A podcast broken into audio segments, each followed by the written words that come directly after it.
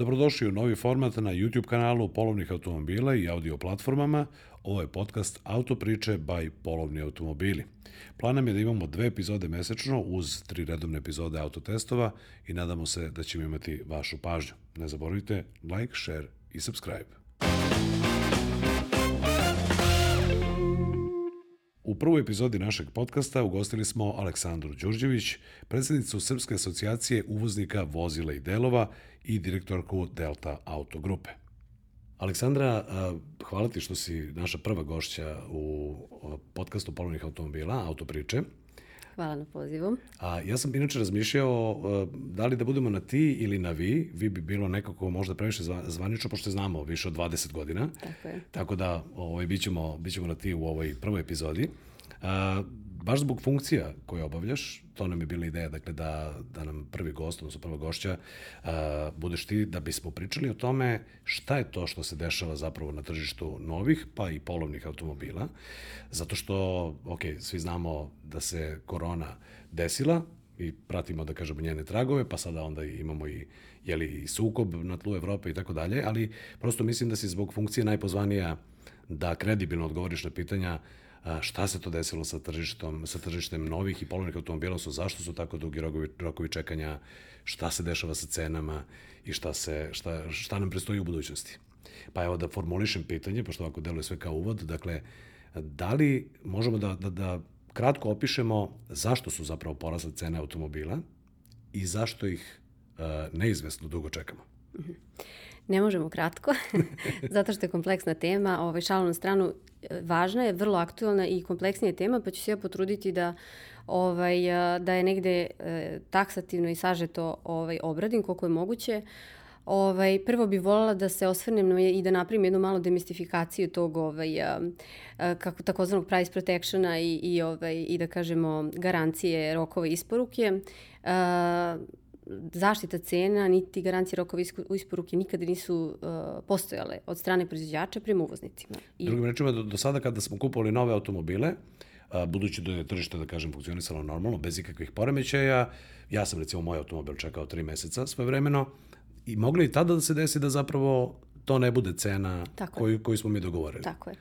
Međutim, pošto je tržište relativno bilo uređeno, nismo imali ovakve, global, imali ovakve globalne okolnosti ovaj, situacije, prosto su se te stvari ređe dešavale od slučaja do slučaja i uvoznici su ti koji prirodno imaju obavezu da snose, ovaj, da kažemo, i neku odgovor, odgovornost, u stvari da u, u, u tom svom lokalu, što se kaže, rešavaju te slučajeve. I to je sasvim prirodno i normalno, svako od nas ima i ovaj budžet pređen za takve stvari i zamenska vozila i situacije kada baš nešto dogori, što kažu da se reaguje. A, ono što je krenulo da se dešava na globalnom tržištu, a toga ćemo se dotaći ovaj, malo detaljnije, jeste ono što nas je sve uvoznike dovelo do toga da je apsolutno nemoguće da se preuzme ta odgovornost. Tako da je vrlo važno da kupci znaju da sami uvoznici nemaju nikakve garancije i, i, ovaj, i da to znači, nikada nije ni postojalo.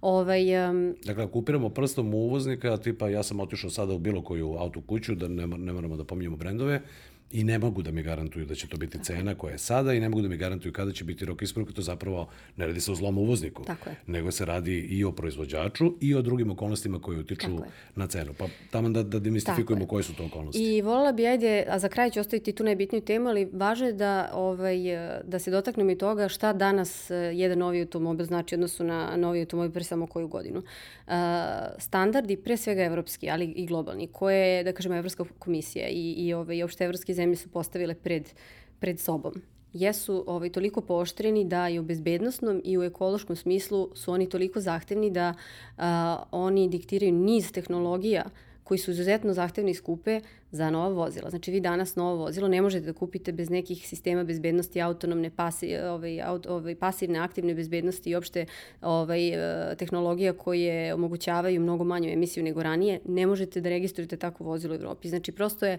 ovaj, pred uvoznike stavljen tako strog standard da sva nova vozila koja se proizvode prirodnim i mnogo, mnogo su skuplja.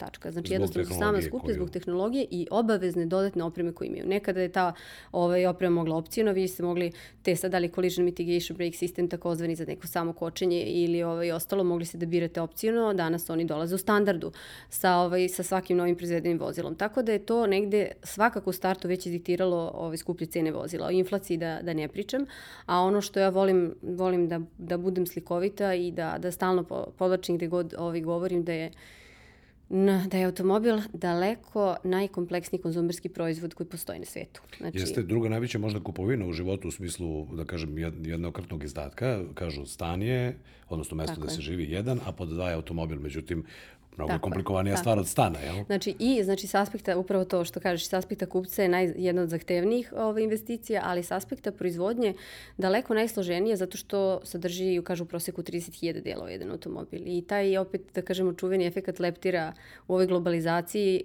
onog trenutka kada se nešto desi na jednoj strani sveta u proizvodnji gotovo da je nemoguće da nema utisak na, ovaj uticaj na veliki, veliki segment autoindustrije. Tako da ova aktualna situacija u Ukrajini i, ovaj, i u Rusiji apsolutno i tek će se održavati. Mi, ne, mi imamo pričamo i o sirovinama i o komponentama i definitivno ovaj, utiče na apsolutno svaki, svaki segment autoindustrije, tako dve, dve velike zemlje. Ovaj, mikročipovi, tema o kojoj smo mnogo čitali, o kojoj slušamo, isto je, vrlo je ovaj, važna i aktuelna i ajde da je prokomentarišemo zato što, ovaj, da ne bude spekulativno, prvo, a, još pre korone smo imali situaciju da je potražnja bila prilično veća od, moguć, od proizvodnje na mogućnosti proizvodnje. Tako da to, mi smo se s tim suočavali, ali nismo to još, da kažemo, videli u toj meri. Kada se korona desila, imali smo situaciju da su neke fabrike bile zatvorene nedeljama ili mesecima. Zatim smo imali situaciju da su proizvođači bili plašljivi uh, da planiraju svoje proizvodnje jer su očekivali mnogo veći pad interesovanja, to jest uh, uh, tražnje da će se desiti što se nije desilo. Izvinjam se što te prekidam, ali to je upravo i mene, meni je to bilo šokantno, jer kada, se, kada je izbila pandemija, pro- prosto svima nam je promenila život i ja sam bio zabrinut ovaj, po mnogo osnova i razmišljao sam između ostalog i o prodaji automobila kako će ona verovatno opasti. Mm -hmm. Međutim, ispostavilo se da su prodajni podaci pokazali nešto drugo.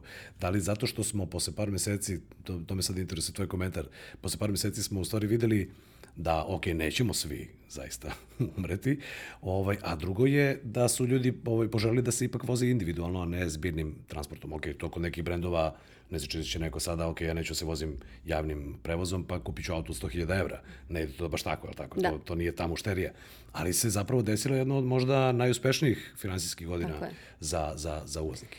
Pa mnogi će se osvrnuti taj moment, jedan je život, e, neki ti momenti, da kažemo, prosvetljenja koji su, koji su mnogi od nas doživjeli u nekom smislu da možda ne treba mnogo čekati i ostalo. Bilo je dosta vremena koje smo proveli sa sobom i ovaj, možda prispitivali vrednosti i onda je to dosta ljudi došlo i reklo i izgovaralo tu rečenicu kod mene na kafi, ako ništa, čula sam je više puta, jedan je život i onda ljudi kupuju možda skuplje automobile nego što bi ranije. Ali da to stavimo na stranu, ovaj, definitivno je najveći uticaj tu bio ovaj, imali smo znači a, prekid, prekid proizvodnje, a, spla- plašljivo planiranje pojedinih većine, ajde da kažem, proizvođača, ali oni koji su se najviše uplašili sad najviše trpe, znači oni koji su odmah krenuli da zavrću slavine, oni su sad u situaciji da u tom pipeline nemaju, ovaj, ne mogu da isprate svoju proizvodnju sa, sa tim količinama.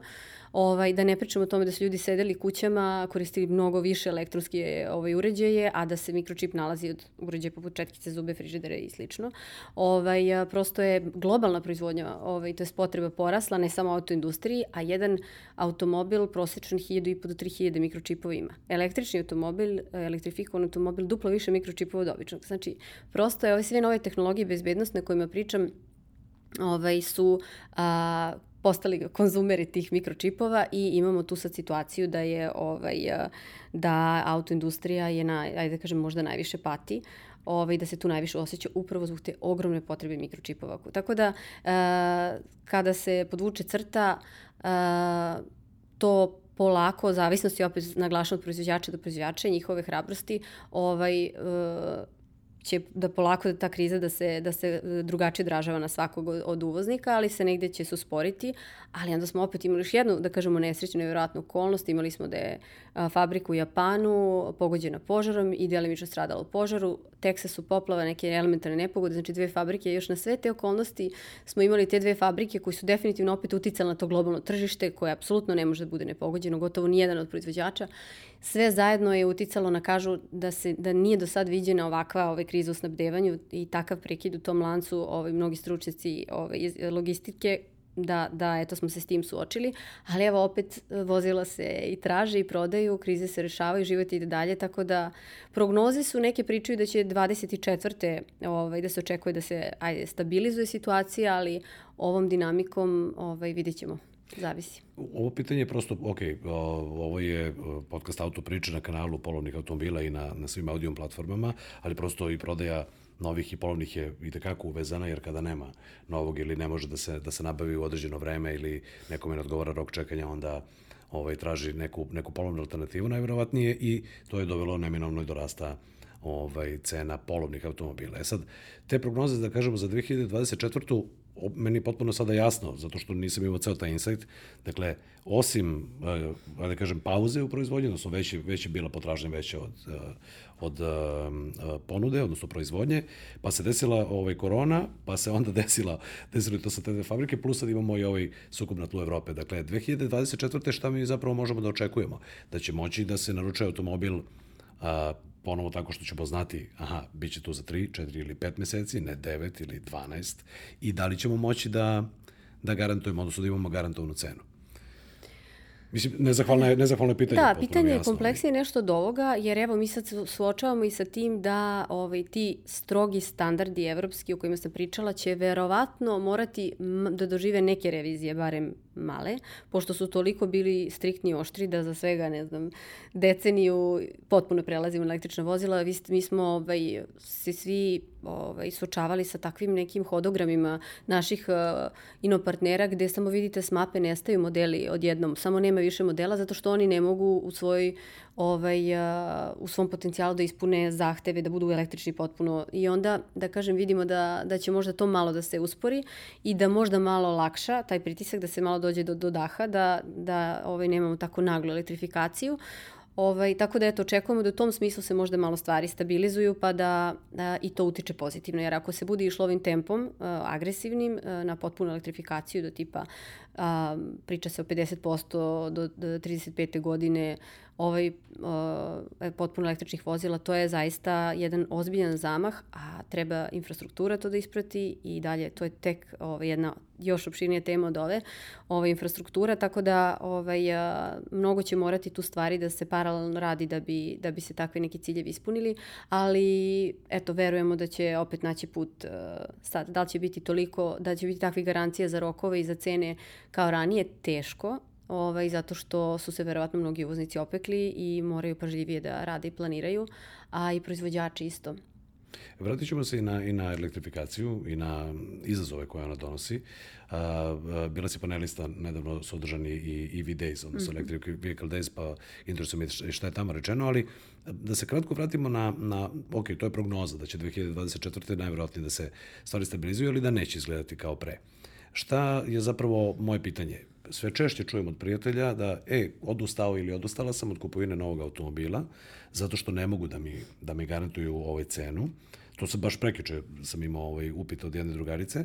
A s druge strane, jedan kolega sa televizije, bivši kolega mi je rekao da je automobil, kada je on naručio, dobio ga je pre nekih, recimo, 5-6 meseci, ali kada je naručio automobil, a, dva puta mu je saopštavano da je skinuto sa proizvodnje, Uh, on je o, insistirao da to ostane tako, da to ovaj, se ništa ne promeni i na, ne znam na koji način, ili to tada taj uvoznik mogao da kompenzuje, ali njemu je ostala garantovana cena tada. Mm -hmm. I rekao mi da kada mu je bio isporučen automobil, cena se razlikovala za 6000 evra. Mm -hmm. Drugim da je odlučio da ga proda odmah, ovaj, mm -hmm. mogu bi i da profitira. Uh, Šta hoću da kažem, oni deo a, gde smo pomenuli da zapravo nisu uvoznici krivi, nego to prosto ima veze sa mnogo drugih okolnosti i sa time šta i kako radi fabrika, da li su porasli troškovi logistike, koliko su zapravo ta variranja u ceni, koliko ona može da odstupa, koliko bi inače da su, ajmo ovako, da su realne, da su normalne, a ne vanredne okolnosti, koliko bi ona generalno mogla da, da varira i koliko se zapravo ovde situacija promenila zbog, da li možemo to nekako u procentima da,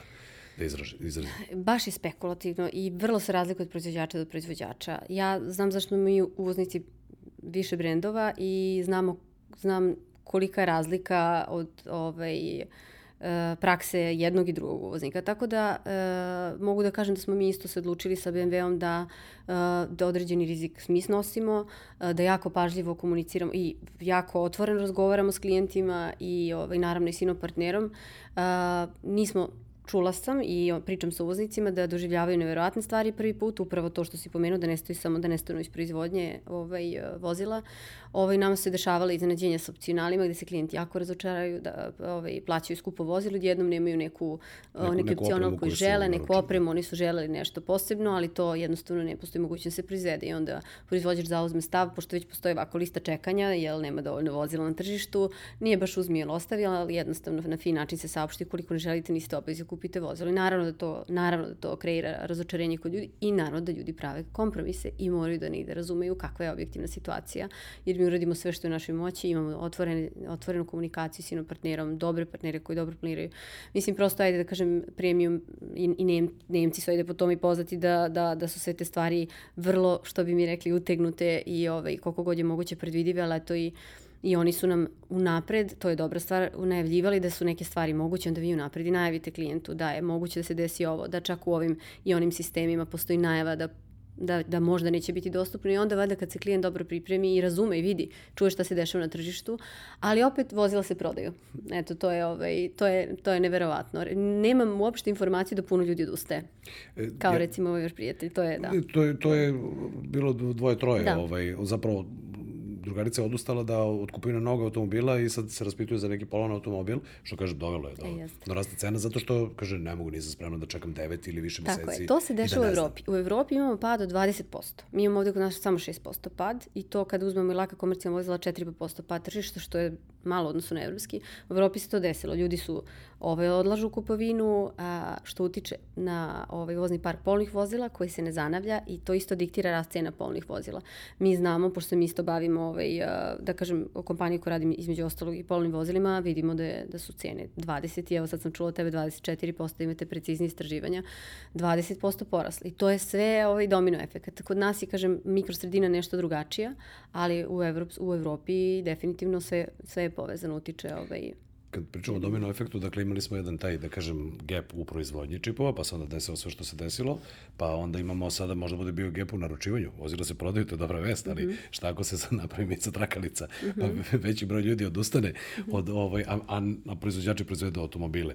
To je malo više hipotetičko pitanje, jer ja mislim da će uvijek biti dovoljno klijenata za, za vozila upravo za sada nisam čula, ove, mi se u voz, udruženju voznika imamo priču redovne sastanke i ostalo da neko ima trenutno i u najavi takav problem. Mislim da su liste čekanja veći problem i veća potražnja i potreba od mogućnosti da se tržište sta, snabde potrebama. Trenutno je to ovaj, trenutno je to problem.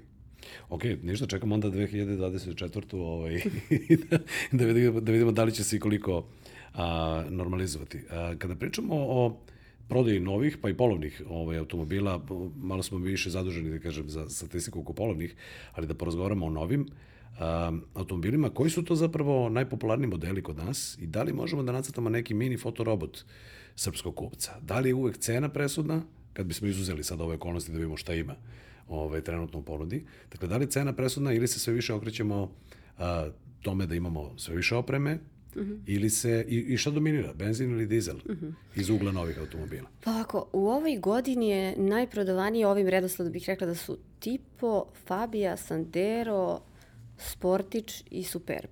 I tih pet uh, pet automobila čine 20% učešća novih vozila. I to je stvarno negde govori o slici najpro, ja, najprodovanija su, su ti ulazni modeli, takozvani povoljniji.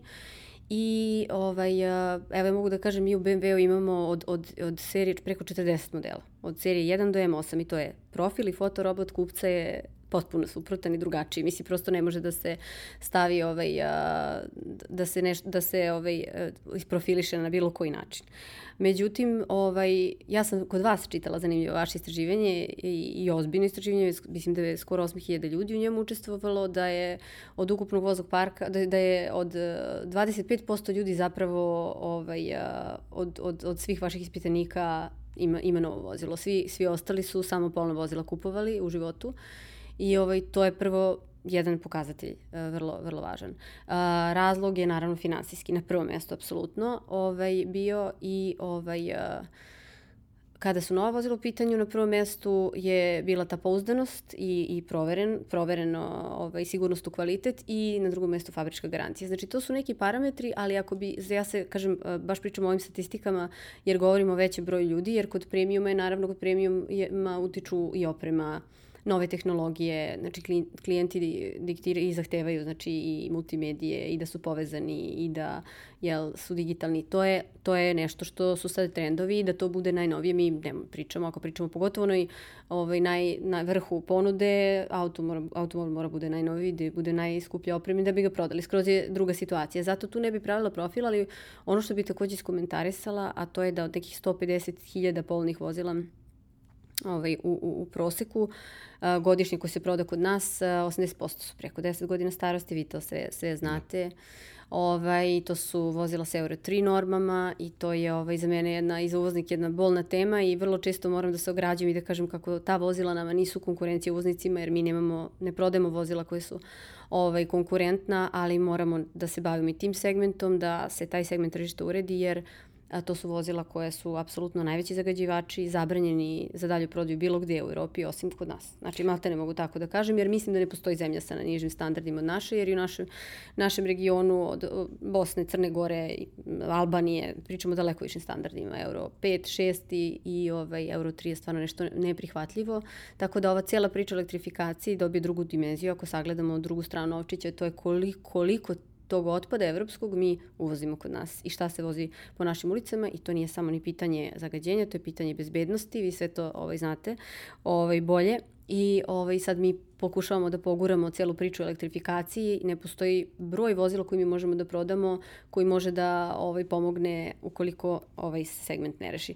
Ali dobro, to je da kažemo jedna, jedna druga dimenzija i mislim da, je, da to govori o tome šta je najbitnije. Najbitnije je cena i da materijalni aspekt je apsolutno na, na prvom mjestu. Iako može da ne troši ovaj, gorivo i da. tako dalje. Mislim da se ljudi najčešće u velikoj većini se najčešće tako odlučuju. Ja često imam pitanje, ovaj, pitanja ovaj, privatno šta da kupim za 3000 mm -hmm, evra? Mm -hmm. A, to se u odnosu na ono pre dve godine, jer evo imali smo, kažemo, taj, taj rast cena, to se drastično promenilo, jer to nešto što košta 3000 ovde kod nas kada dođe, mora koštati bitno manje mm -hmm. tamo negde gde je nabavljeno. I inače, dugme koje ja najčešće koristim u mom automobilu je dugme za unutrašnju cirkulaciju, jer nažalost, često kamion ili -hmm. kombi ili vozilo ispred mene toliko dimi i to nije glavni to nije glavni faktor zagađenja koji, koji utiče na, na kvalitet vazduha kod nas, ali jeste, čini mi se, jedan jako, jako tako bitan. Tako je, tako je, da. A, opet, s druge strane, a, ljudi, kako bih rekao, velikom većinom nemaju ove velika sredstva za kupovinu automobila i smatraju da, da ovaj, su prošli možda najbolje u okviru ovog mhm. budžeta koji, koji su imali. A, ja se nadam takođe da će da se, da se promeni uskoro ovaj norma. Recimo, ja sam par puta kada sam tako privatno savjetovao, razmišljao, kada se, se pominju neki dizeli malo stariji, onda ja ovaj, pomenem da će to vrlo verovatno mm. za par godina da bude problem na tehničkom pregledu, mm -hmm. jer se te norme podižu i povećavaju. Tako da nadam se da ćemo uskoro videti pomak i u tom, u tom smislu. Pa učešće dizela isto značajno pada. Mislim da ispod 20%, dok su benzinci 60%, nekih 15%, 13% su hibridi električna i ovaj, ostala su, to jest električna su ostatak i, i ovaj, na gas i ostalo. Tako da ajde i, to, i ta statistika nije loša. Mislim, govorim o prodaju novih vozila. E, kad smo ovaj... kod, kod te statistike, još jedan podatak koji je, ovaj, malo smo ga i prokomentarisali pre snimanja, mm -hmm. pa statistički ispada da 15% novih automobila su hibridi, mm -hmm. međutim radi se o tome da većina vozila, pa evo iz BMW-ovog programa ili iz Mercedesovog, sada dolazi i oni se moraju voditi kao mild hibridi, jer imaju, jer imaju elektromotor i imaju pomoć. Da. Dakle, nisu je. potpuni hibridi. Tako Hoću kažem, statistika može malo i da prevari, ali tako? Apsolutno. Ali ajde da kažem da u tom smeru se ide i mi nemamo nazad. Proizvođači će da nas guraju samo na tu stranu. I mi, ovaj, ukoliko ne krenemo da rešavamo pitanje infrastrukture, a sad vjerojatno prelazimo na ovu drugu temu elektrifikacije, imaćemo ovaj, ozbiljni izazov u funkcionisanju. E, lepa, lepa najava, dakle, upravo sam hteo da pređemo na, na elektrifikaciju. Ja sam zapravo, e, kad, kad pričamo o brendovima koji su u Delta Motor grupi, odnosno u, u Delta Motorsu, uh, naslov, ako se dobro sećam, za Honda CRV koji smo testirali, je bilo imali života bez dizela. Mm. Što kažem, veliki proizvođači su već izbacili ovaj, dizele i to se uopšte više ne pravi.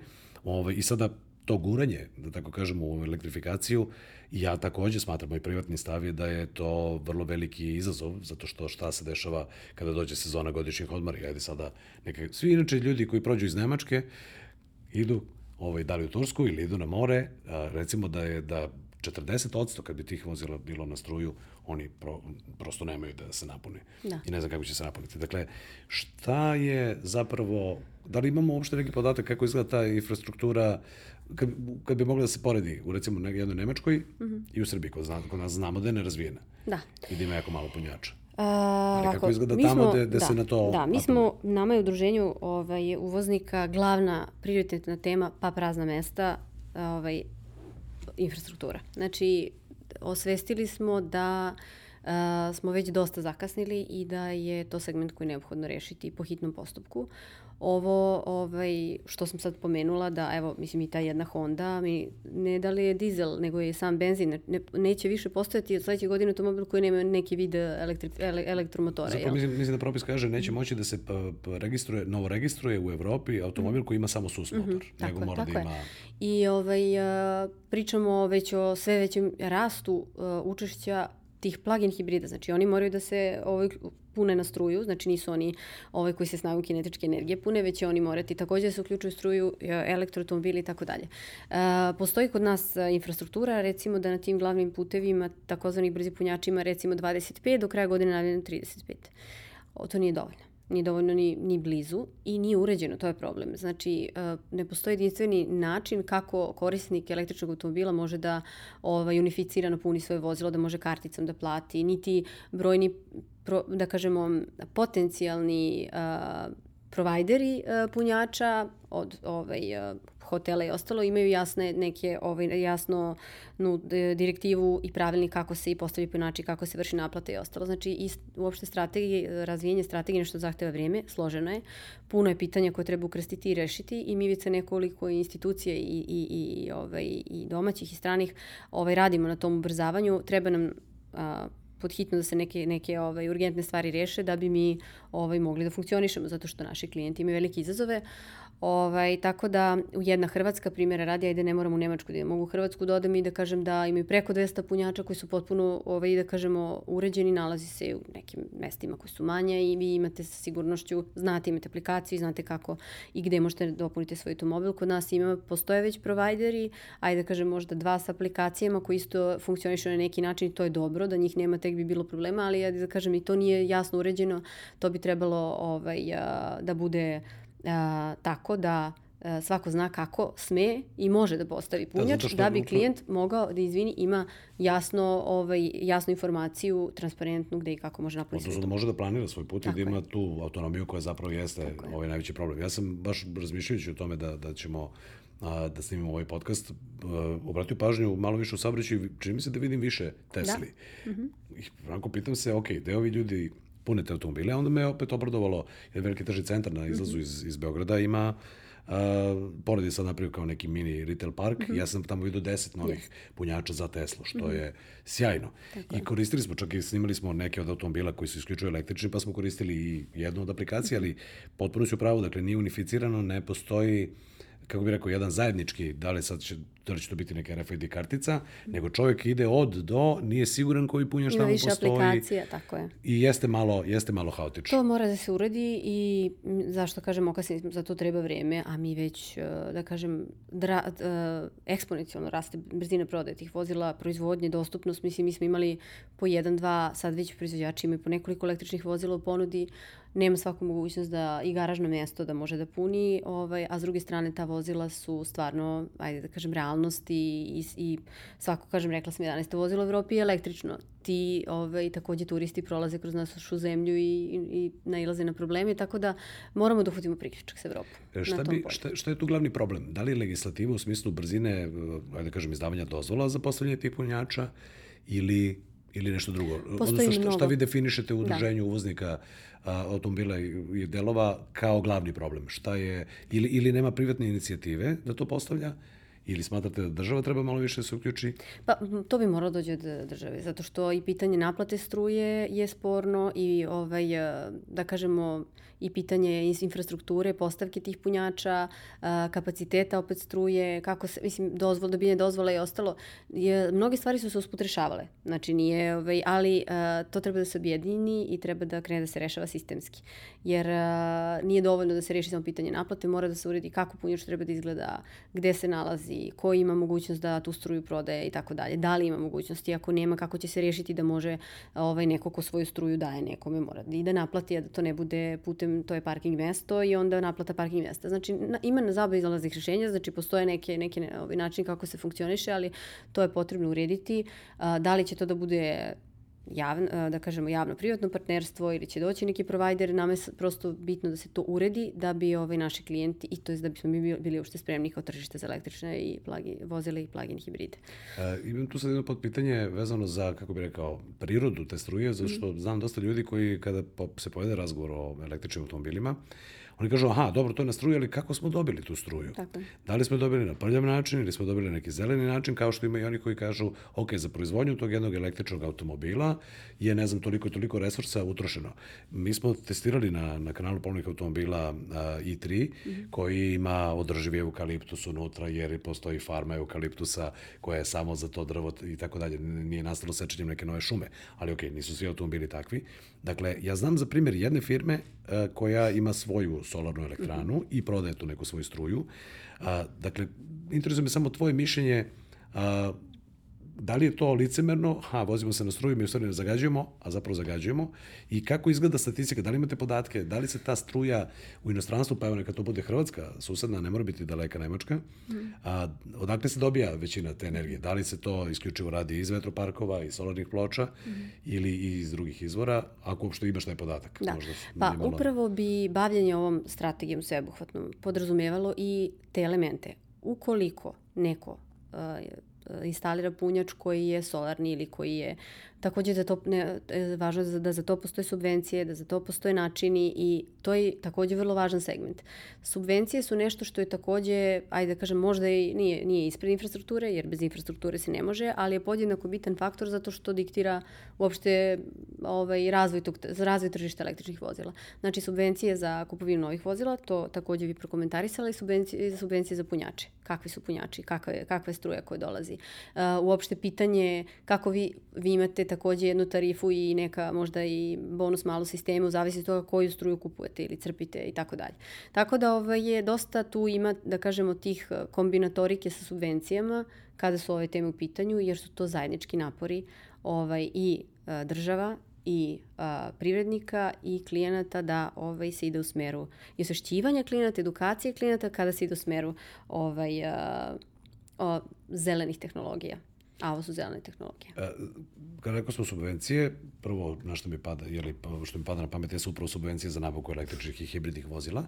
I mi smo baš na primjeru ovo, jednog hibridnog vozila izračunali, odnosno pomenuli jednom od testova a, koliko, je to, koliko je to novca. Kako taj mehanizam funkcioniše mm -hmm. i da li to sve ide baš, baš glatko i da li ljudi dolaze ohrabreni time da... Mm -hmm. Mislim, ja verujem da, da kupuju hibridna i električna vozila ovaj, prvenstveno zato što, ok, ovo troši manje goriva, pa onda, aha, manje zagađuje, a pa eto, postoji neka subvencija, odnosno jeftinije da, za nabavku jeftinije u krajnjem slučaju za za registraciju. Kako to funkcioniše i, i, i Da, kako pa, ide? Koja je ocena uopšte? Da li su te subvencije, da kažem, dovoljne? Važni, da. Prvo, ajde da ovaj, e, ne bih se složila da je na trećem mjestu subvencije. Subvencija je izuzetno bitna. Možda sam ja, možda sam ja po, da, da, da. to Ne, posložio. ne, nego ovaj, govorim sad iz ono, iskustva, naravno zavisi od brenda do brenda. Ako automobil vredi 100.000 eura, ima subvenciju od 5.000 eura ili 2.500 eura, možda neće imati takav uticaj kao da kupujete automobil od 20.000 eura pa imate 5.000 eura subvencije. Znači to je neka razlika, ali subvencije su izuzetno bitne. I subvencije koje postoje kod nas u zemlji su jake, dobre su. Na nekom tom evropskom nivou su, pričamo o 5000 evra subvencija za električno vozilo, 3500 za taj plug-in hibrid, 2500 eura za hibrid i to je stvarno jako dobro. E, kako to funkcioniše? Ne funkcioniše zadovolj, na zadovoljavajućem nivou.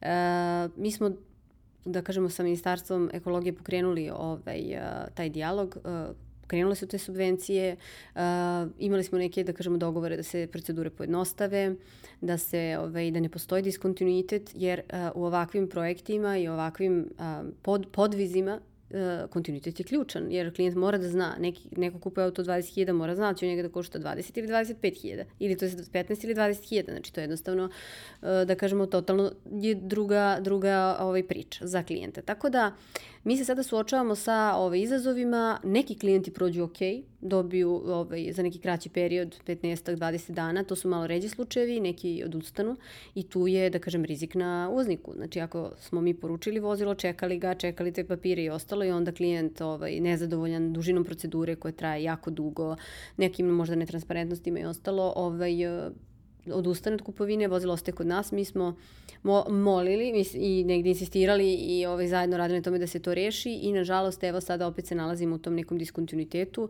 Mi smo sad čuli da ima budžeta, mnogi naši klijenti čuju da nema, tako da eto se nadamo da će to da se konačno reši i stabilizuje, zato što nije dovoljno imati ovaj, a, imati a, neku ovaj, inicijativu, već moramo da je a, pogoramo da ona bude bolja. Takođe ćemo sad predložiti možda neki jednostavniji način da se ovaj, preko drugog ili možda ministarstva financije se možda ne, neke ovaj, olakšice do, dodatne ovaj, sprovedu, ali postoji generalno zaista volja na državnom nivou a, s kim god smo pričali da se sa tim nastavi i da se to dalje gura. Postoje mnoge nefinanske subvencije koje su jako atraktivne za vlasnike ovih vozila poput parkira, besplatnog parkiranja u zonama na naplatnim rampama, drugačije tretiranje u zavisnosti opet od e, stepena elektrifikacije, pa vožnje žutom trakom, što je vrlo popularno u evropskim zemljama u, i u ovaj, gradovima gde ajde i mi polako postajemo vrlo, vrlo ovaj, uh, u tim nekim špicevima uh, sa, gde, bi, gde bi to značilo ljudima. Tako da ovaj, postoji drugi načini. Ovo ovaj, sa, na, sa ovim subvencijama, nažalost, kažem, nije idealno, ali ovaj, je uh, dobra stimulacija i naravno budžet mora da prati rast prodaje, uh, rast tog šera učešća električnih vozila ne prati, on je godinu za godinom isti i mislimo sledeće godine da bi zaista bio stimulativan mora da bude veći. Koliki je to budžet? Milion evra. Milion evra, dakle država je opredelila, odnosno opredeljuje iz godinu u godinu da. za subvenciju i zapravo do diskontinuiteta dolazi kada se ta sredstva potroše. Kada ili, se potroši, ili... malo, da kažemo, složenije situacije, mi razumemo kako, da kažem, taj aparat funkcioniše, sigurno ni ministarstvo nije jednostavno, jer oni imaju neke predmete koji su aplicirali i oni su sad u tom nekom pipeline-u, da kažem, i uh, dok o, ti klijenti ne zatvore svoje predmete ili ne budu odbijeni, oni ne znaju, ta sredstva ostaju zarobljene, iako nisu potrošene. I onda su to neke prognoze, pa onda treba da se aplicira za dodatan budžet za ovaj, uh, neke naše klijente koji su mislili da postoji subvencija pre nego što je ovaj, uh, objavljeno da budžeta više nema, pa onda njih da ispuštujemo, ali opet i dalje novi klijenti su ostali bez budžeta. Prvo dok se dok krene primena subvencije če, prođe koji se početka godine i onda se završi na malo nešto posle polovine godine, mi zaista imamo, ma ne znam da li imamo pola godine, ovaj, taj budžet na raspolaganju i to ne bi trebalo tako da funkcioniše, jer onda klijent, niti mi možemo da planiramo ovaj, prodaju uh, i aktivnosti u vezi sa tim vozilima, niti klijenti mogu da planiraju kupovinu, ovaj, osim da se to baš ne nađu u tom u sredini tog ciklusa kada imamo dostupne sredstva. Tako da postoje dosta, dosta stvari koje tu bi trebalo unaprijediti. Iz ovoga izlačim zaključak, dakle, da je najbolja, ovaj, najbolji period za kupovinu hibrida ili električnog vozila je prvi deo godine. ovaj, ali, hajde da samo na, na primjeru, recimo, hibridog ili plug-in hibrid vozila, objasnimo kako izgleda ta procedura. Kupac dođe kod vas u salon i kaže ja sam zainteresovan za ovaj hibridni automobil, i onda on šta? Vi mu pripremite pa papire, onda on to nosi u ministarstvo financije ili to radite vi? Pa zavisi od o, kompanije do kompanije. Mi mm. se potrudimo da ovaj, e, da maksimalno lakšamo klijentu i da mu negde predočimo šta je potrebno, ali on je taj koji mora da prikupi sve što mu je potrebno ovaj, od, e, od papira kako bi uh, komisija od dosta članova sagledala da li on prolazi ili ne prolazi ovaj, uh, za, za subvenciju. Da li Tako ispunjava- je- da li ispunjava da li uslove, ispunjava jasno, da. uslove, ako je bio suđiven ili ako je dužan poreski nešto, sve to potpuno na mestu, jasno je, ali opet nekako ubrzavanje toga je jako važno i mislimo da je nekih 15 dana, koliko smo se bili inicijalno dogovorili, sa, zaista nešto što je više nego dovoljno da se, ovaj, a onda nastavlja se dalje ovaj, kupovina vozila, znači to je nekih 15 dana pauze, da kažemo, koji bismo mi imali.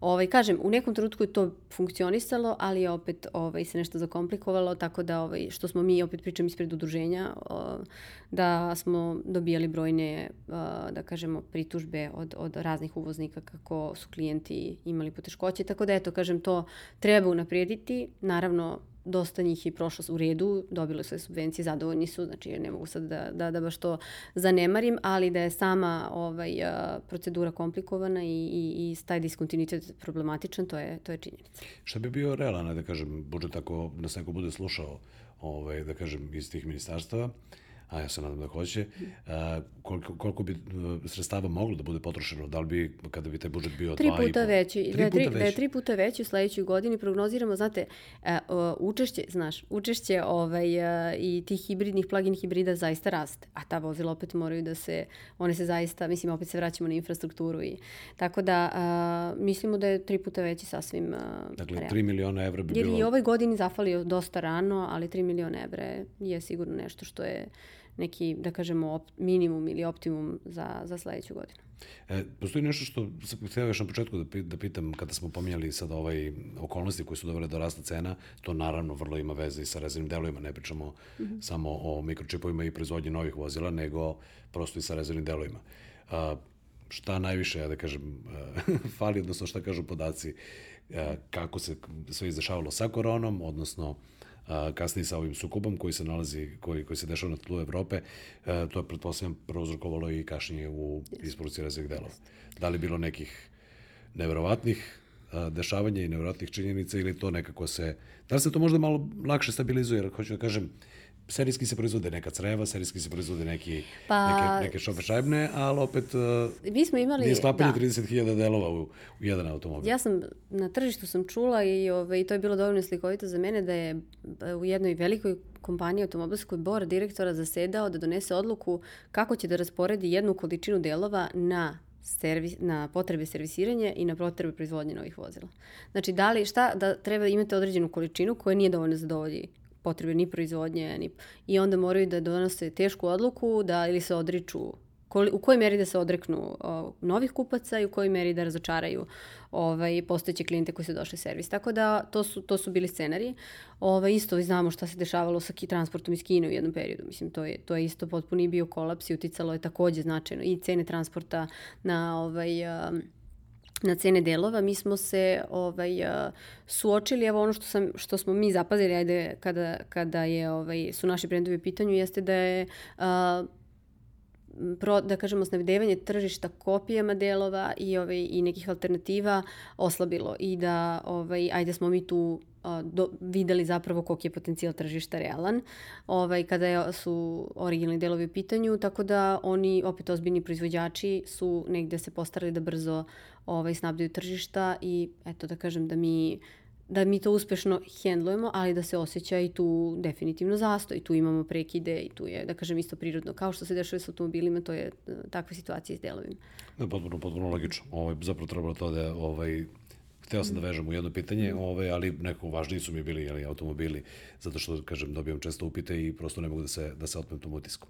A, u principu, mislim da smo pokrili većinu nekih tema ovaj, o kojima sam hteo da razgovaram sa tobom i sad postoji nešto što planiramo da da bude, uh, ajde da kažem, obavezna mini rubrika uh -huh. u ovom podcastu, a to je kao neki autoleksikon. Uh -huh. uh, koliko dugo voziš? Uh -huh. to, je, to, je, to bi recimo bilo prvo pitanje. Uh -huh.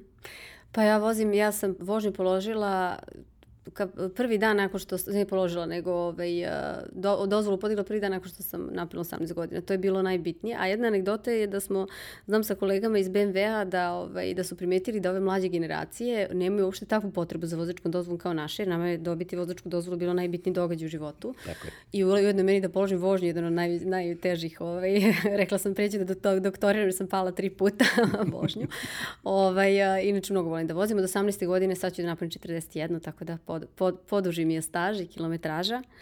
Tako da ovaj, je jako bitan događaj, do kojim mladim generacijama nije toliko i nemaju vozačku dozvolu. Često i kažu ovi iz BMW-a kako da mi zaposlimo nekog pra, ili na praksi, ostalo ko nema vozačku dozvolu, BMW-u tam je jako teško, ali kaže toliko kandidata nema vozačku dozvolu i nema onda sprema tome da položi vožnju.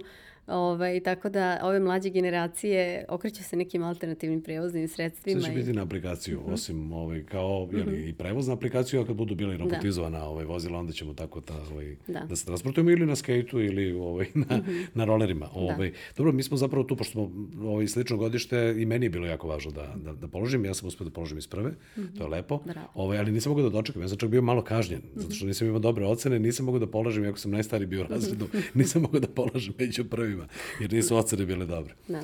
Ovaj, ali dobro, to su te gimnazijske priče. E sad, ovaj, kako bi prokomentarisala uh, vozačke navike ovaj, kod nas?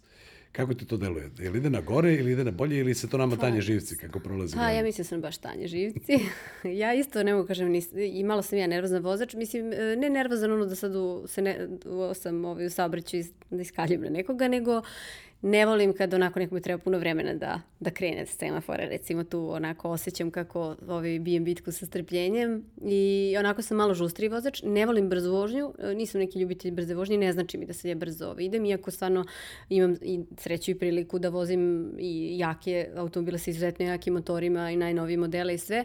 Nije mi, nije, nije mi uzbuđenje u brzoj vožnji, ali mi je u toj živahnoj vožnji i veliki sam ljubitelj električnih automobila baš zbog toga i stalno ovaj, promovišem okolo električne automobile zbog toga što su užasno zabavni za vožnju, zanimljivi i živahni, da ste toliko startni, da imate utisak da stvarno letite i da na, le, na lep način, opet ne pričamo o aspektu brzine, već o aspektu tog nekog drugog osjećaja kada, kada krećete, pretičete, prosto ovaj, kao ja kažem, kao vetar da vozim i stvarno mi je ovaj, uživanje da vozim. Kada god sedem električni automobil, meni bude osmeh od uva i to mi je ovaj, pokazatelj da ovaj da, da su to stvarno automobili koji imaju drugačije iskustvo u, u vožnji, da ljudi zbog toga između ostalog trebaju da probaju i da, da, da vide kakav će biti osjećaj. No, zemlje, zato što ima dosta nekih pokretnih delova koje mora da ima Tako klasičan je. automobil, ovaj Tako je neopterećen time, i, Tako a pritom elektromotor može od 0 do 10.000 obrtaja Tako. začas da se... Za nervozne vozače i da...